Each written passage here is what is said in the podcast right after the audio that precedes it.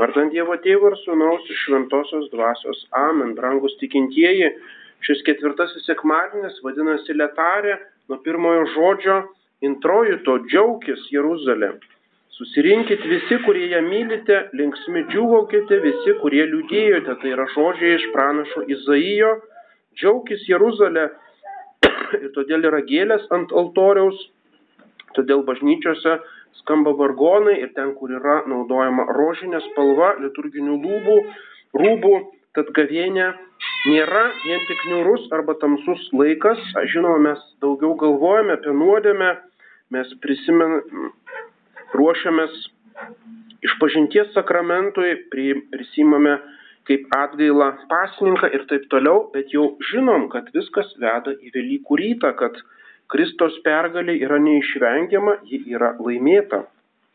Ir galime prisiminti to krikščioniško džiaugsmo prasme. Apaštalas Paulius mus nuolat ragina džiaugtis, mano broliai, džiaukitės viešpatyje, rašo filipiečiams arba tesalonikiečiams, visuomet džiaukitės, be paliovos melskitės, už viską dėkokite, nes to Dievas nori iš jūsų Kristuje Jėzuje. Nori, kad ir melstumėtės, ir kad džiaugtumėtės. Ir šitas džiaugsmas taip pat būtinas pasninko laikui, kaip Mato Evangelijoje skaitome, kai pasninkaujate, nebūkite paniurę kaip veidmainiai, jie perkreipia veidus, kad žmonės matytų juos pasninkaujant. Pasninkaudamas pasitep kalėjime galvą, nusiprausk veidą, kad ne žmonėms rodytumės pasninkaujas, bet savo tėvui, kuris yra slaptoje. Bet kaip mes galime džiaugtis, jeigu mus slegia tiek sunkumų, kai nuolat grumėme su gyvenimo vargais, su lygomis, negalime rasti ramybės, nes mūsų gyvenimas yra taip kaip kintantis oras, tai šviečia saulė, tai lyja, siaučia vėtros, panašiai kaip šitas pavasaris, tai sninga, tai vėl e, pavasarinis oras, tai jaučiame paguodą maldoje, Dievo malonės veikimą, tai vėl mus užgula dvasinė sausra ir atrodo, kad Dievas pasitraukia.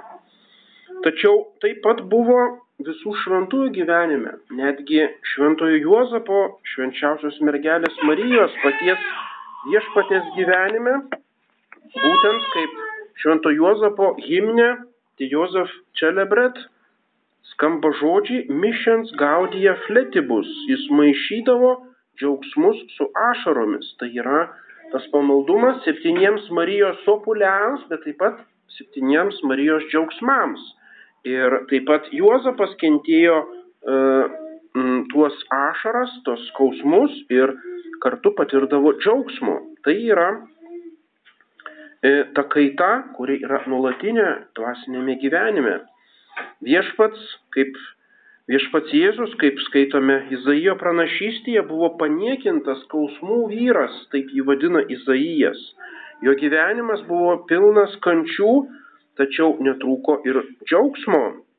Jėzaus gimimas, bendravimas maldoje su tėvu, dalyvavimas žmonių džiaugsmuose, tai yra kanos vestuvės, džiaugimasis gamta, tai yra jo įvairūs palyginimai apie gamtą, jo kilni draugystė su Lozoriaus šeima, vėliau jo prisikėlimas, dangun žengimas, visa tai yra džiaugsmingi įvykiai.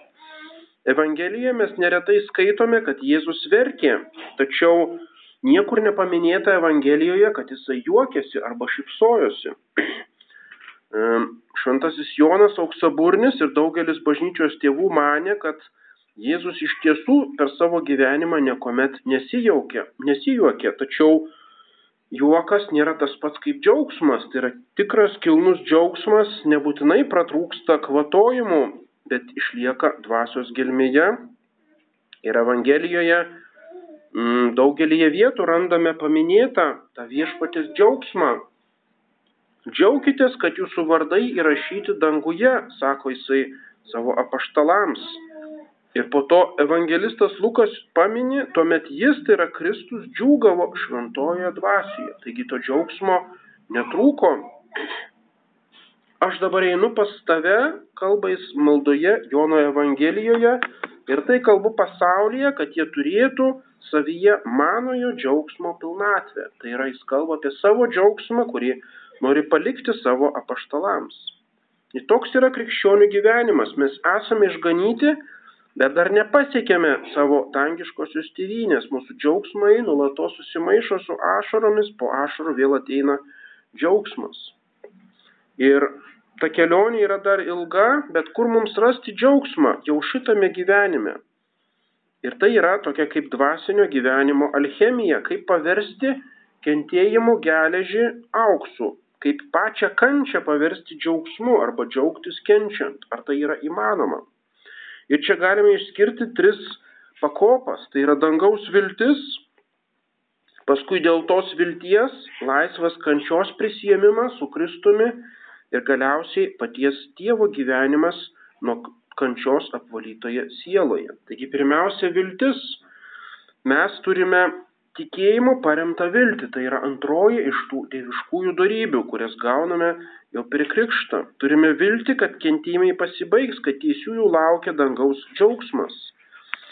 Jau psalmėje e, girdime, dangus tesilinksmina, žemė te džiūgauja, jūra ir visa, kas joje te užia, laukai ir visa, kas juose te būna smagus, viešpatės artume, nes jis ateina, nes jis ateina valdyti žemės, ateina mūsų išganyti ir todėl visa tvarinyje jau gali dabar džiaugtis, netgi jo laukdama.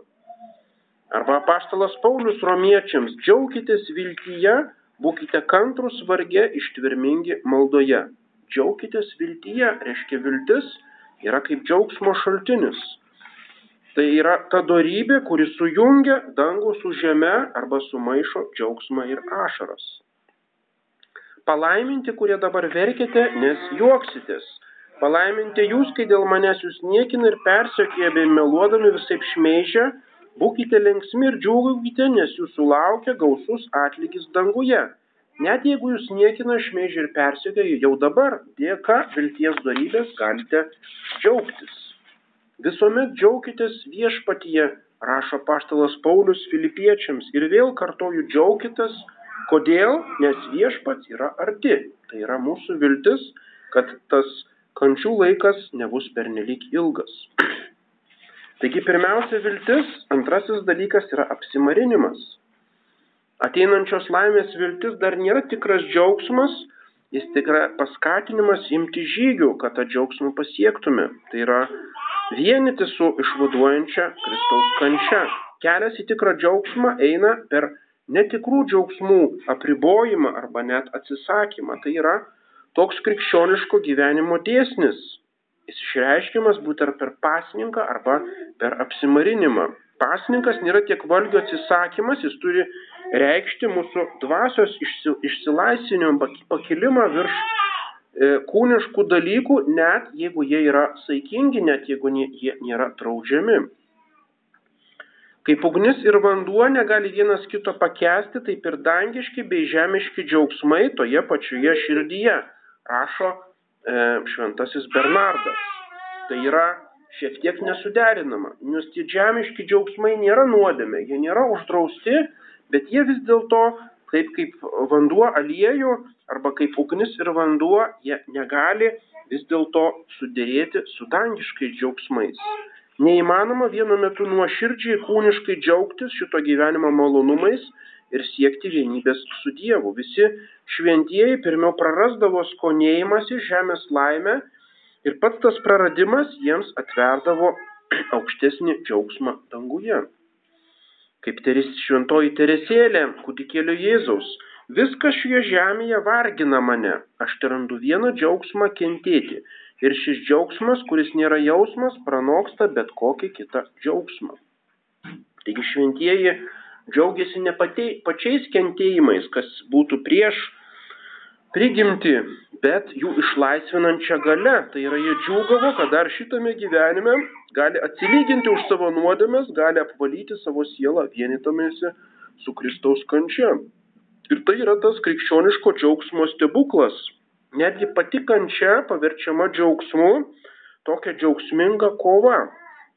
Taip kaip kareivis, kuris mato, kad jau pergalė čia pat, jisai džiaugsmingai veržiasi į kovą, e, nors jis turi pakelti e, didžiausią sunkumą, bet jis vis tiek džiaugiasi. Būtent tas pats yra tikras džiaugsmas apsimarinant. Viltis nelieka vien pasyvių laukimu, Kadagi pagaliau ateis ta Dievo karalystė, tačiau jau dabar šitas mano gyvenimas verčiamas, ta Dievo karalystė, būtent per e, tą apsimarinimo darbą.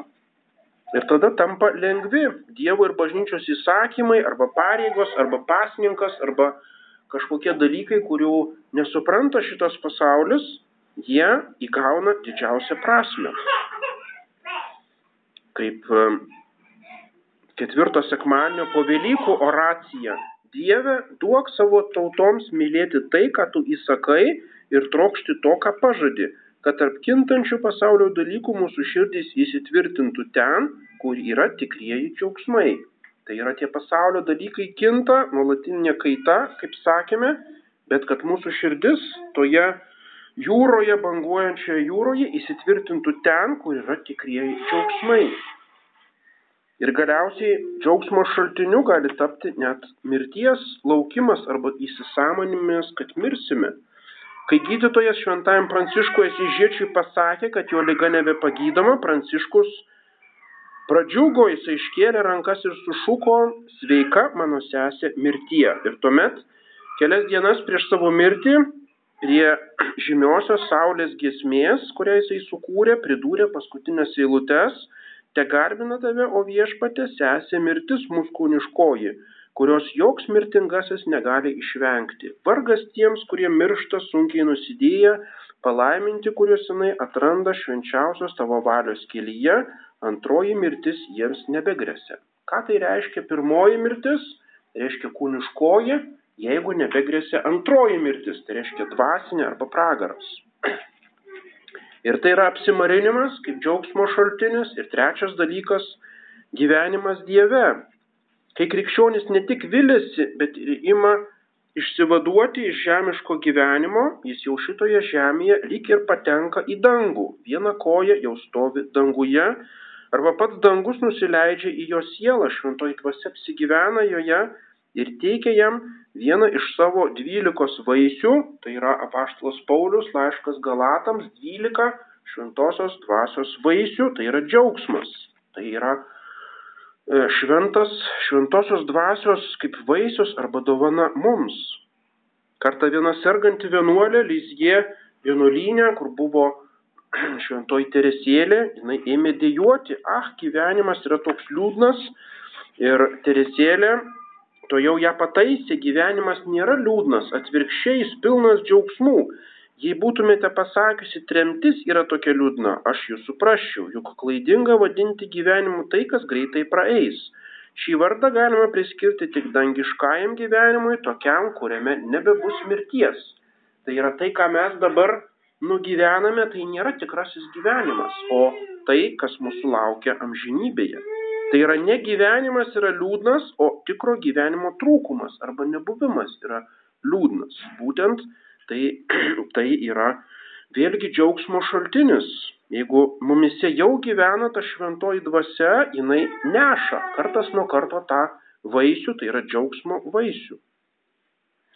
Dvasinis linksmumas yra tikriausias mumise gyvenančios Dievo malonės ženklas, sako šventasis Bonaventūra. Ir taip džiaugsmas lydi visą dvasinio gyvenimo kelią nuo pradinės pirmojo žingsnio, tai yra vilties darybės, iki pat susivienimo su Dievu, kurį patiria šventieji.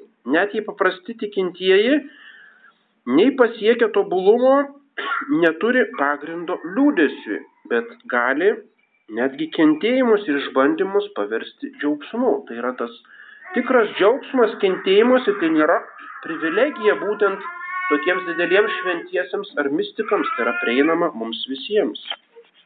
Ir todėl kiekvienam iš mūsų skirti šitie viešpatė žodžiai persikiojimų išsigandusiems apaštalams, iš tiesų, iš tiesų sakau jums, jūs verksite ir vaitosite, o pasaulis džiūgaus.